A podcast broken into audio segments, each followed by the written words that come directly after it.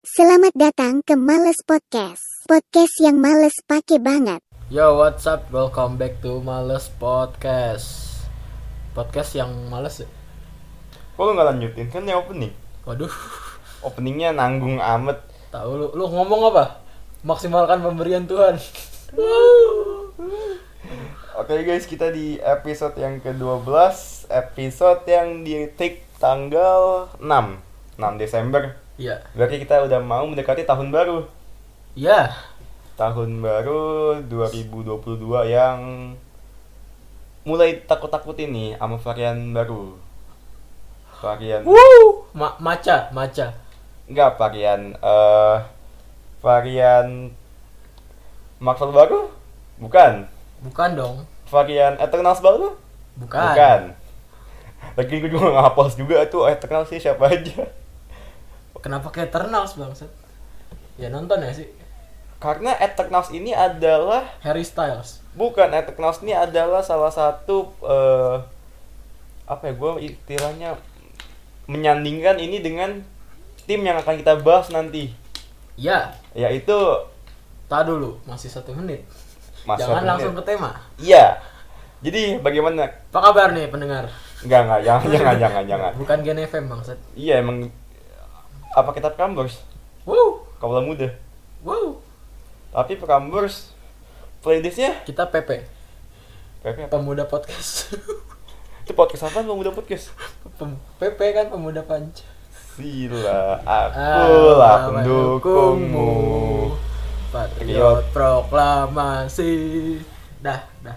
Patriot Proklamasi itu menggambarkan eh, pahlawan-pahlawan kita, Iya. pahlawan-pahlawan basket. Ya, dalam artian pahlawannya membawa har- harum nama bangsa. Iya, seperti kemarin timnas kita, walaupun kalah lawan Lebanon, tapi tetap respect. Tetap respect. Iya, walaupun ada yang baper di storygram. Cooks. Itu shooter apa? Jangan dibahas basket Indonesia kalau dibahas. Ntar panas. Mending podcast sebelah, podcast sebelah. Ya, podcast, sebelah aja yang bahas. podcast pemain utama kan Iya. sama sama pot sama main futsal Kok nyerempet? main futsal ada pivotnya ada pivot ada anchor Anchor kita pakai anchor. oh iya pakai anchor Bro, nyerempet nyerempet bro, sakit bro, nyerempet nyerempet. enggak bro kemarin itu gue baru aja habis buka episode gue kan salah satu penyuka eh lu deketan deketan Yuk. gue kemarin baru aja denger eh, podcastnya Rocky Padilla dia Bukan Rocky Gerung. beda beda Rocky Padilla dia eh, dia dia ngomongin soal basket Indonesia dan memang gue banyak sekali setuju dengan Rocky Padilla dan eh, dia dia bilang kalau bahwasannya standar kita itu bagus di lokal bukan bagus di inter ya gue tidak gue gue ya gue setuju sih emang kayaknya kebanyakan standar kita itu ya bagus di lokal bukan bagus di inter makanya banyak Milan. makanya banyak pemain-pemain eh, Inter Milan kan. beda beda makanya banyak pemain-pemain lokal kita yang dalam negeri bagus tapi giliran main di Inter ya segitu segitu aja dan Egi, Egi. ba- basket basket Oh, contohnya Iya kayak Asnawi. itu itu pemain bola gue ngomongin pemain basket Aduh, aduh anjing.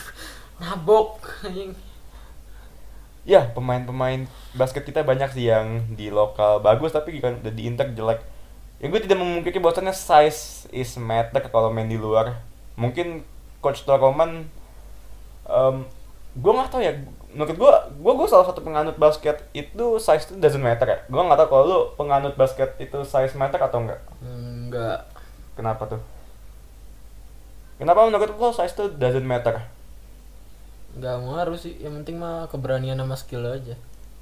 iya tapi kalau gue ngeliat timnas kita main kayaknya size itu matter sih kalau timnas main ya Iya, gue bisa bilang iya. ya tapi is is is the, is the part of the process. Gue kalau ngeliat angkatan-angkatan basket sekarang yang kayak eh, ya saya eh, Arigi angkatan-angkatannya eh, Hendrik Savionga. Bener. Siapa namanya? bagus sih eh, ini bakal bagus sih. Ini gua ditambah lagi kan ada Dame Diak nih. Dia bisa main kalau kata gua kalau dia bisa main point guard Indonesia timnas kita enak banget sih mainnya. Kalau Dame dia nih bisa main point guard Wait, jangan ke situ karena saya nggak tahu timnas. emang bukan fans basket Iya. Kardus. Coach Justin. Enggak banget. Oh, Pange, Pange. Enggak banget. Oke, kita langsung aja ke eh, Ke klub yang mau kita bahas hari ini adalah sesuai judul kita hari ini. Judul kita itu hari ini adalah Gak usah ntar judul gua yang ngatur. nggak nggak kita sesuai judul kita hari ini. Is this Memphis playoff season? Apakah ini akan jadi season yang Memphis akan masuk playoff setelah dua musim beruntun? Gagal. Nyaris-nyaris aja. Iya sih. Di 2020 mereka gagal di playoff. I, nyaris masuk. Waktu Iya. itu Oh iya benar. play kalah play in ketemu Dame Time. Digusur. eh lawan lawan 2021 tahun ini juga kalahnya di play in juga ya memang sepertinya eh I'm sorry. 2021 dia dia dia going through ngalahin Golden State. Tapi itu cuman kalau menurut gua cuman asal masuk aja sih kalau kata gua ya. Terlepas dari dia melawan Golden State dan Spurs ya tapi menurut gua Memphis musim lalu walaupun dia masuk playoff tapi kalau buat gua honestly kayaknya itu cuman asal masuk aja deh. Ngerti nggak? Iya.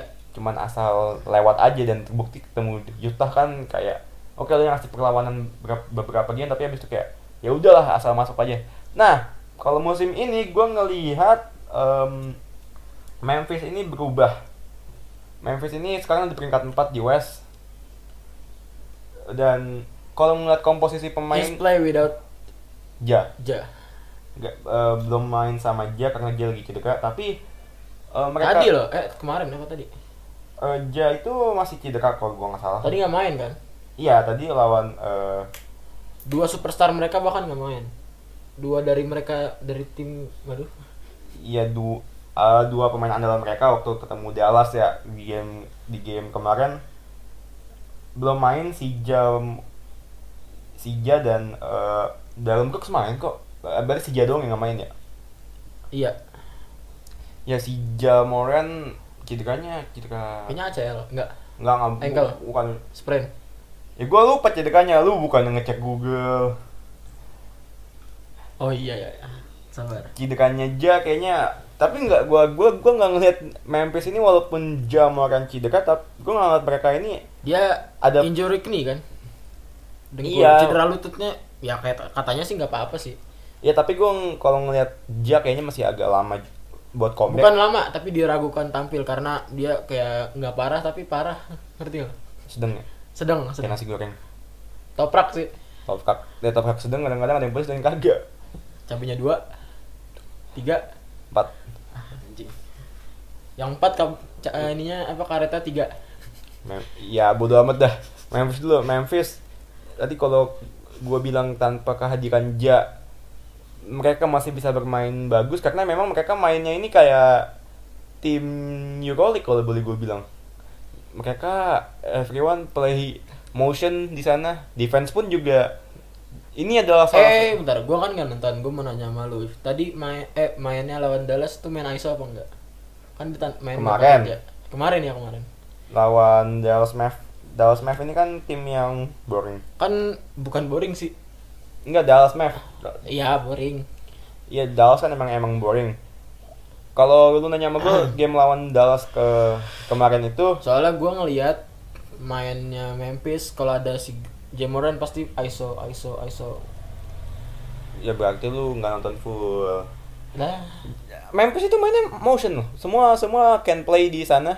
ya Semua bisa bermain di sana dan eh kalau lu nanya soal game kemarin lawan Dallas, gua nggak nonton demi Allah. ya terlepas dari Dallas nggak ada Luka Doncic, Emang kenapa sih? Ya nggak tahu dia nggak main, lagi Belum, disimpan. belum vaksin. Enggak, beda beda Ah. beda.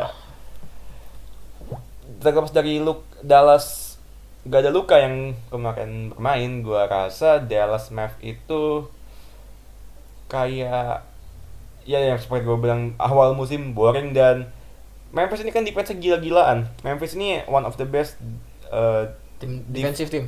Yap, di NBA untuk season ini. Dan kalau kita ngomongin soal defense mereka, mereka ini gue gue sempat singgung juga musim musim lalu saat eh, play in turnamen saat mereka bisa masuk ke playoff pada saat itu. Setelah menang lawan Golden State dan menang lawan Spurs. Gue sing gue sempat menyinggung juga mereka ini defense kayak tim Eropa asli. Semua Zone. enggak lebih ke man to man dan semua uh, having peranan penting di defense mereka everyone can press everyone can uh, do blocks everyone can stop the ball from the opponent. Dan kalau ngomongin stat defensive mereka mereka ini secara defensive rebound dan blocks mereka ini paling tinggi. Mereka peringkat satu di NBA leaders. Untuk block untuk blocks mereka mencatat average 6,3 blocks per game peringkat satu di NBA nomor 2 nya ada Minnesota Timberwolves untuk defensive rebound mereka juga peringkat satu jadi ya defense win you a game ini kalimat yang tepat buat Memphis dan lo masih inget gak sih ketika Memphis menang lawan OKC yang menang jauh itu Banyak ya menangnya. yang menang CP 50 eh berapa? Anjing CP 50. Ya menang sekali. 52, CP 52 79 anjing. Iya yang menang sangat jauh itu lu nggak bisa mungkir ya kan bahwasannya defense-nya eh, Memphis benar-benar bagus sekali Ciut. dan gue nggak tahu ya gue rasa Memphis ini salah satu tim yang paling watchable kalau menurut gue karena semua tapi memang Everyone can play. Tapi memang Memphis ini sayang aja jangan masuk TV nas TV video.com Wow, iya. padahal ini tim defense-nya asli bagus banget Bang. Lawannya kali. Lawannya apa jadi nggak tayangin. ya paling nanti nunggu ah, harus nunggu Lakers lagi berarti ya tapi udah udah ketemu sih awal-awal musim ya, nanti ya ya gua rasa Memphis season ini finishnya nggak dia dia playoff tapi nggak usah masuk play in kalau kata gua Nggak pakai play in. ya jadi masuk Masuk masuk playoff aja. yang nggak pakai play in karena defense mereka musim ini bagus banget dan kalau gua boleh gue jujur kan musim ini yang tim-tim yang punya defensif bagus kadang-kadang offense-nya nggak semua bagus karena Fokus di defense. contoh Minnesota Minnesota itu kan defense-nya bagus Iya, ada Stats. KAT. stats defensifnya bagus tapi ketika we talk about offensifnya uh, Minnesota ya I'm sorry to say ya emang Poor. hancur ya Sa- Sehancur-hancurnya. Kalau lagi dan, hancur ya. dan makanya gue bilang gue gue makanya gue actually ku- kurang kurang suka aja sama, sama Minnesota bukan gue benci tapi gue kurang suka aja Minnesota musim ini karena itu dia oke okay, defensif mereka gue harus gue akuin eh, bagus mereka blocksnya eh, salah satu paling tinggi di liga ada di 6,1 blok tapi ketika kita bicara soal ofensifnya eh, Minnesota eh, it's it's different gitu. Kalau Minnesota and we- when we talk about their uh, offensive mereka ada di peringkat uh, 27 dalam hal field goal percentage. Jauh banget anjir. iya dan dengan uh, rata-rataan 42,7 field goal percentage. Jadi ya memang tidak mudah jadi tim seperti Memphis yang punya defensif bagus dan offense-nya lumayan walaupun Memphis ini dalam peringkat field goal percentage mereka masih ada di peringkat eh, 17 tapi setengahnya mereka bisa nge- ada di angka statistiknya 45% ke atas yaitu 45,3% Nah, segituan, segituan itu wajar. Wajar nggak buat lo? ya wajar lah karena memang Wajar. itu eh, lumayan efisien karena kalau kita ngomongin 50% itu agak sedikit sulit tapi 45% buat gue udah lumayan aja sih. Udah lumayan buat tim kayak Memphis yang punya defense yang sangat bagus ya. Dan Memphis ini secara eh, points points rataan points musim ini Memphis ini di peringkat 6 ada di top 6 dengan rataan poin dia 111,3 poin per game. Yes. Dia lebih tinggi musim ini ketimbang tim-tim jagoan seperti Brooklyn Nets, Chicago Bulls, Milwaukee Bucks, Boston Celtics, dan Miami Heat. Memphis lebih tinggi. Makanya gue bilang Memphis musim ini pasti playoff, nggak harus pakai jalur play-in lagi. Ya, we see lah next. Gue kita kita kita, kita lihat lah nanti akhir musim. Tapi gue rasa Memphis ini Insya Allah lah. tim kuat dia dia dia mainnya bagus defense-nya bagus everything bagus di Memphis gue nggak tahu nih kalau menurut lo ki Apaan? Apaan nih? tanpa kehadiran Jamoran apakah Memphis ini kesulitan atau enggak kalau menurut gue actually gue Gua gua lihat dari satu pertandingan ini aja udah nandain kalau ini bisa nih tanpa Jamoran. Ayolah. Iya. Walaupun Jamoran cedera segala macam bisa lu lu bisa satu dengan satu tim ini main semuanya aja. iya jadi me- oh kita Jadi nggak ngandelin satu pemain atau dua pemain. Maaf ya, bukan gua diskreditin Jamoran. Jamoran kan cedera. iya Tapi semua tim itu overall bisa main. iya Jadi lu iya benar tadi nggak usah ngandelin satu orang aja sih. ya iya jadi without Jamoran pun ini tim udah bagus kok Iya, bener. That's the point. that's why dan don kelamaan di Memphis lo ada tim apa lagi nih Ki? kita Gua gua gua mau ngasih lu nih anjing. oh iya gantian dong Ah, apa? Dari Houston. ya Houston Houston yang udah uh, win streak win streak Si win streak tuh si paling win streak si paling win streak dah. Baru Tapi tiga win streak- baru tiga. enggak enggak udah enggak tiga udah udah lima kali Udah lima. coba cek deh. Kemarin kalah mulu. iya gue tahu memang Rockets ini kemarin-kemarin gak jelas Gini nih, ya. tapi sekarang kalau gue nggak salah Rockets itu kan udah uh, win streak em, Dia sejak kalah lawan Celtics mereka udah win streak satu dua tiga empat lima enam enam kali win streak enam, enam kali win streak anjing. Gua gua nonton terakhir tiga. iya berarti ini kita nggak nonton tapi Kan gak ditayangin, Bang. terlepas dari itu Rockets gokil sih tanpa Jalen Green Gila lah, bisa nge- ngelibas Pelicans. tanpa Jalen Green tanpa Jalen Green Iya. tanpa Jalen Green memang Dia itu coba anjing dia coba berarti cuma ngandelin si Gordon doang ya. seben- eh, Semuanya sih. Sebenarnya tim satu tim ini sebenarnya kalau gue bilang kalau misalkan ada John Wall pun ini tim bagus sebenarnya kualitas secara kita ngomong secara kualitas ya Maksud lu John Wall nggak guna?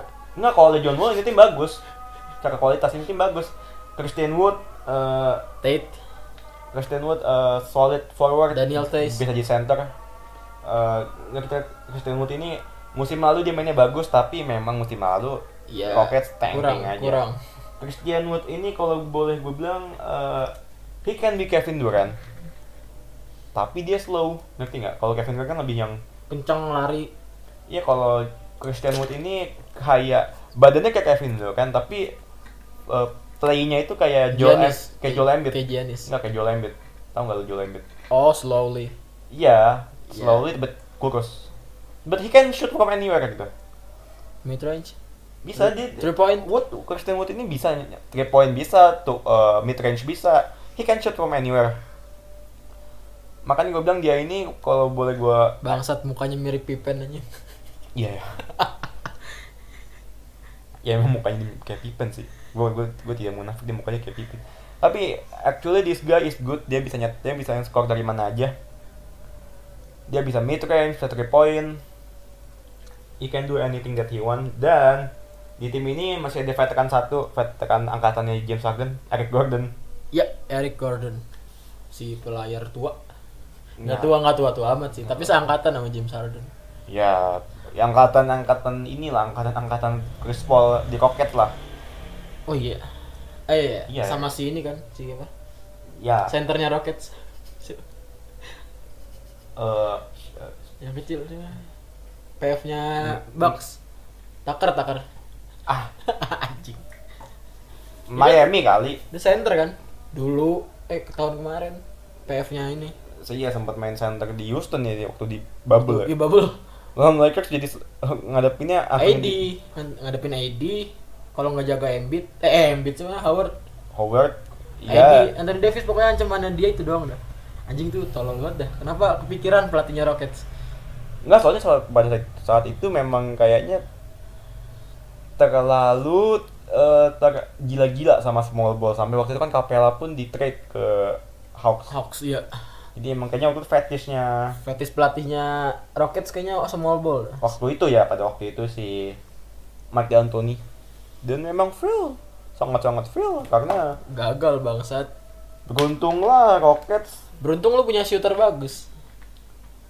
Ya, ya walaupun cuma menang satu game doang sih di bubble waktu lawan Lakers tapi terlepas dari itu kita ngomongin about Houston right now. Houston I actually gak terlalu terpesona sama gaya main dia. Karena ya Houston is Houston lah. Ter- tahun terlalu ini Houston is Houston. Enggak, Houston terlalu banyak bermain eh, ISO dan gua nggak lu kan tau gua bukan fans berat isolation gak jelas. Iya. Gue gue lebih senang main orang yang main team play segala macem. Dan ya. Tapi kenapa ISO itu selalu beruntung daripada team play? Berarti lu ISO itu kan kebanyakan orang itu suka ISO karena masuk highlights. Wah nyari nama.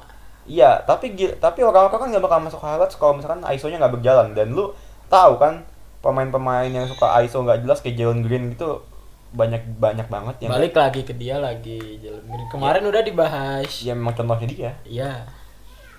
Ya jadi yang ISO nya gagal dia dong berarti ya banyak sih tapi kalau lu ngomongin ISO ya ISO itu ya chance-nya 70-30 kalau lu Iya. masuk lu ma- masuk highlight kalau tapi lu nggak masuk ya lu nyusahin tim lu. Karena kan ketika lu ISO dan nggak masuk pasti kemungkinan paling gampangnya ya terjadi, enggak terjadinya fast break dari musuh. Iya. Karena lu main ISO kan berarti lu nyuruh tim lu buat ngelebar iya. Ngelebar di wing side. Iya iya open lah tapi kalau yang kalau nggak masuk ya lu bakal kena fast fast break breaknya kena gampang. fast break gampang. Karena kan istilahnya ketika lu nyuruh tim lu teammates lu open kan you are the single man on the middle. Lu lu lu lu lu sendiri lu ngadepin tinggal lurus kering aja. Ya dan dan teman-teman lu tuh kayak di wing side awas nih orang iya iya iya. Dan oke lah don't talk don't talk about uh, don't talk about isolation. Jangan jangan talk about Houston. Udah. Terlalu banyak kita ngomongin Houston kita ngomongin tim Eh. yang lagi hype waduh. Gue sebenarnya pengen ngomongin Spurs. Cuman kemarin di episode kemarin kan gue ngepost posternya tuh. Miminnya Celtics bilang eh bahas Celtics dong. Oh mau dibahas dia? Ya gue pengen ngebahas sebenarnya actually gue gue gue impress sama Celtics sih musim ini karena mereka startnya jelek banget Boston Celtics mereka itu startnya ancur-ancuran tapi sekarang mereka udah mulai nemu how they should have to play. Dan mereka ini kan sekarang udah ngalamin empat kali win streak sejak kalah lawan Spurs. But bangsat lawan Spurs jadi berkah anjing. Iya. Iya.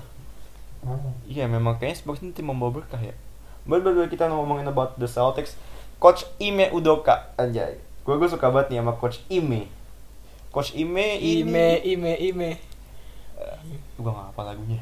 hime hime Ime Hime. hime hime Coach Ime, Coach Hime Hime. Coach yang wibu tapi mukanya kayak wibu asli. Coach Ime itu mukanya kayak wibu, gue nggak bohong. wibu nolep enggak enggak sih Nggak ada dia nggak dia nggak nolep rambutnya dia putih semua. Tuh gak nolep. Oh. Tapi kita ngomongin coach soal coach Ime, Ime Udoka. I actually likes the way he's play his offensive. Kalau boleh gue jujur, gue sangat suka gimana coach Ime bermain secara ofensif karena kayaknya pemain Celtics itu sangat cocok deh main sama main sama eh, coach Ime termasuk si Freedom. NS Freedom anjing namanya di Google aneh banget coba lu searching dah Apaan? NS Freedom anjing NS Kantor Freedom Iya, Enes Freedom. Eh ada foto dia pakai jersey apa? Indonesia Oh iya dia, dia sempat ke Indonesia. iya Kirain gue mau naturalisasi. Wah, Jalan berliku kehidupan emas Kenter. Hidu- kehidupan NS Kanter Oh iya. berarti ini pemain basket yang suka jemput antar jemput Kenapa? NS antar Oh. Kirain itu temennya Shopee. Kantor Kantor apa anjing Enes antar aja. yo Oh. dua hari nyampe sudah sudah Sudah, sudah. kita mau bahas Celtics Ya Celtics how about you Enggak, tadi gue udah bilang, gue gue gue sangat suka ofensifnya coach Ime Ime ini. Enggak, jangan ke pelatih, pemain eh, individu individuan. Enggak, kalau individual gue gua gua kan gua ini kan kurang suka ngebahas individual pemain. Gue lebih seneng ngebahas how they play, how they uh, compete, how they do their defense. But actually Boston Celtics secara defense menurut gue udah mulai lebih baik musim ini. Lebih bebenah, lebih lebih- bebenah lah. Lebih baik daripada week ketiga NBA. Sekarang udah 4 week. Ini mau udah mau masuk ke week ke-7 kalau nggak salah. Sorry guys. Dia udah mau masuk week ke-8 atau week ke-7 gue lupa. Tapi mereka sekarang ada di peringkat 4 eh West. enggak peringkat 4 rebound defensive rebound leaders mereka di peringkat 4 mereka di top 4 di atas Utah Jazz yang punya center segede Segede gaban. segede Gobert Anjing lu bisa nggak lewatin Gobert? bisa Lewatin katanya katanya Shaq bisa Oh iya jelas. Dia. ya Boston Celtics udah bebenah banget cara defensif tapi Bukan- lu lu kalau gue Bukan ini ya, nih, bebenahnya dari se- semua hal gitu. Semua aspek bebenah Celtics. Celtics ofensif udah bagus asli Oh iya bener. Celtics ofensif tapi kan seperti gue bilang defensif mereka awal musim tuh jelek banget sekarang udah mulai Sorry guys, maaf. udah mulai bagus Iya ya. Hmm. Siapa siapa? Marcus Smart. ya Marcus ya semua lah Dia mulai bebenah musim ini dia mulai nyadar kayaknya. bukan bukan nyadar sih lebih ke lebih ke ya emang emang Marcus Smart defense bagus kok Muhasabah dia kayaknya. ya entahlah mau dibilang apa Dia ini kali ya, Def- Pak. lu tau gak sih ofen lu tau gak sih kalau Boston Celtics ini sekarang eh, musim ini statsnya itu eh, points per game mereka 108,9 Rendah berarti. itu mereka saat eh, Di- dia di posisi berapa? eh, posisi ke 13 tapi mereka lebih tinggi daripada tim-tim kayak eh, Pacers. kayak Miami Heat, eh, Milwaukee. Philadelphia, Sixers, Sixers. eh, New York Knicks. Ya Knicks emang bukan tim jago sih. Lebih ke tim hura-hura. Hura-hura. Karena memang gue bingung sama Knicks. Pemainnya aneh-aneh anjing. Enggak, sebenarnya gue bingung sama pelatihnya sama Tom Tips ini. Dia ngambil Kemba Walker, Buat apa? tapi nggak masuk ke rotasi dia. Enggak masuk. Sekarang dengan Allen Burks, dia selalu Gak dia anjing gue nanya dia lu ngambil si apa namanya Kemba tapi gak dimainin anjing katanya nggak masuk ke rotasi sih katanya gitu. Cuman lu bermain dengan Allen Burks pun juga kalau boleh gue bilang nggak works doesn't go well as he want kalau menurut gua ya gua nggak tahu mungkin fans Knicks pada banyak yang nggak setuju sama gua tapi I actually menurut gua Alan Burks ini doesn't work for Knicks ya kalau menurut gua jujur li. Dan jujur li. Dia bahasa jaksel sekali. Jaksel sekali anda ya. Memang kayaknya Kemba ini harus dicoba dia Kemba ini franchise player loh. Buat di Hornets. Iya. Dia itu kayak franchise player. kayak oh lu Kemba oh di Hornets Kayaknya Iya. paling hafal nama Kemba tuh di Hornets legend ini sebenarnya legend Hornets tapi gua gua gua gua bener-bener gimana ya sama Tom Tips ya heran ya gua terheran-heran sekali sama Iya dia pada heran dah semua fans NBA sama sama sama siapa? mungkin kalau buat sama fans, Knicks mungkin paham ya kenapa si Tom. Tips Tom Tips ngambil si Kemba. ngambil si enggak enggak Allen Burks buat starter bukan Kemba Oh iya. tapi gue actually nggak ngeliat Allen Burks ini works buat Knicks menurut gue masih Tapi tapi fans Knicks yang lain bilang setuju. kalau gue Setuju sama lu. bisa jadi bisa jadi Bisa jadi. bisa jadi Dan by the way kita tadi masih masih, masih Boston ya Masih Boston. Boston ini starting five-nya nggak Jarang jarang jarang nggak berubah sih. Freedom nggak main. Eh bench. Iya, Freedom, ya Freedom mah emang bench player pak. Freedom, Freedom. Tapi lo tau gak sih kalau- menurut gua Celtics ini musim ini punya apa ya menurut gua musim ini mereka hoki banget. Kenapa gua bilang hoki? Karena mereka punya facilitator. Somai hoki. Enggak, mereka kan punya facilitator yang kelasnya kalau boleh gue bilang lebih tinggi daripada Kemba Walker musim lalu. Ya, Iya. Dennis Schroeder. Iya. kita nggak usah munafik Dennis Schroeder ini sejauh musim ini benar-benar ngebantu coach Ime Udoka untuk eh, mencoba taktik baru di Boston Celtics. Pokoknya Jadi setiap dia- kali dia- Ime Udoka bereksperimen, dari Schroeder sana, bukan Jason Tatum. Setiap kali Eksperimennya pakai Schroeder dulu lah. iya setiap kali Ime Udoka eksperimen taktik segala macam ya dari Schroeder bukan like, bukan Hey Tatum. Schroeder, come here. Ya, bukan bukan Schroeder, bukan Smart, bukan whoever is that, bukan ya whoever is that. There is always Schroeder yang jadi orang pertama yang oke gue mau Harus dia, harus dia. yang diajarin duluan sama sama si eh, coach Imi. Jadi Oh, mungkin spesial nggak? Spesial kali Schroeder. spesial banget ini orang. Memang tidak beruntung saja, tidak beruntung saja di Lakers Schroeder kagetnya karena nolak gaji. Kok gaji ditolak mas, mas?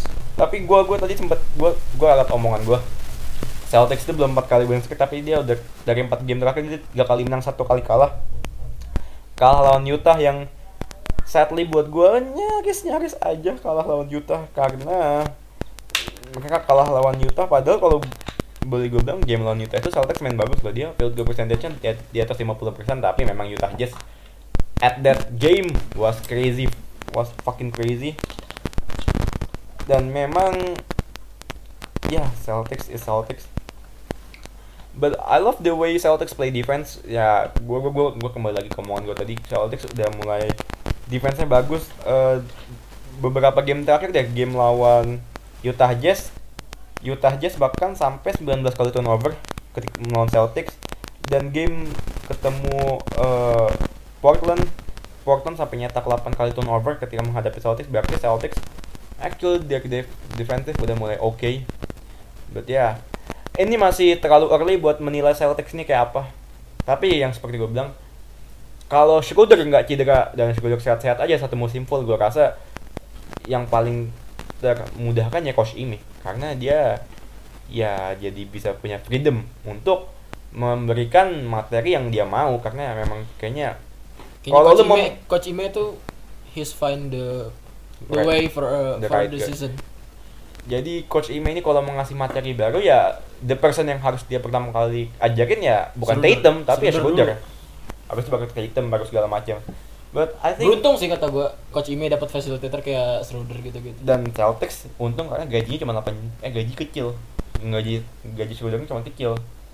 But oke lah, it is, it is what it is. Seperti yang kita sudah bahas ini episode yang ke-12 kita jangan lama-lama karena Mau main? enggak enggak yang kan yang dengerin. Hah? Gue mau makan siang. Ya. Cok, gua juga belum makan anjing. Oke guys, tutup. Oke guys, jadi itu aja podcast dari kami. Sekian. Sekian terima kasih. Assalamualaikum warahmatullahi wabarakatuh. Ah, nggak jawab nggak apa-apa sih. Kecuali agama lain. Jangan bawa agama, Pak. Udah, tutup, tutup, tutup, tutup. Bye.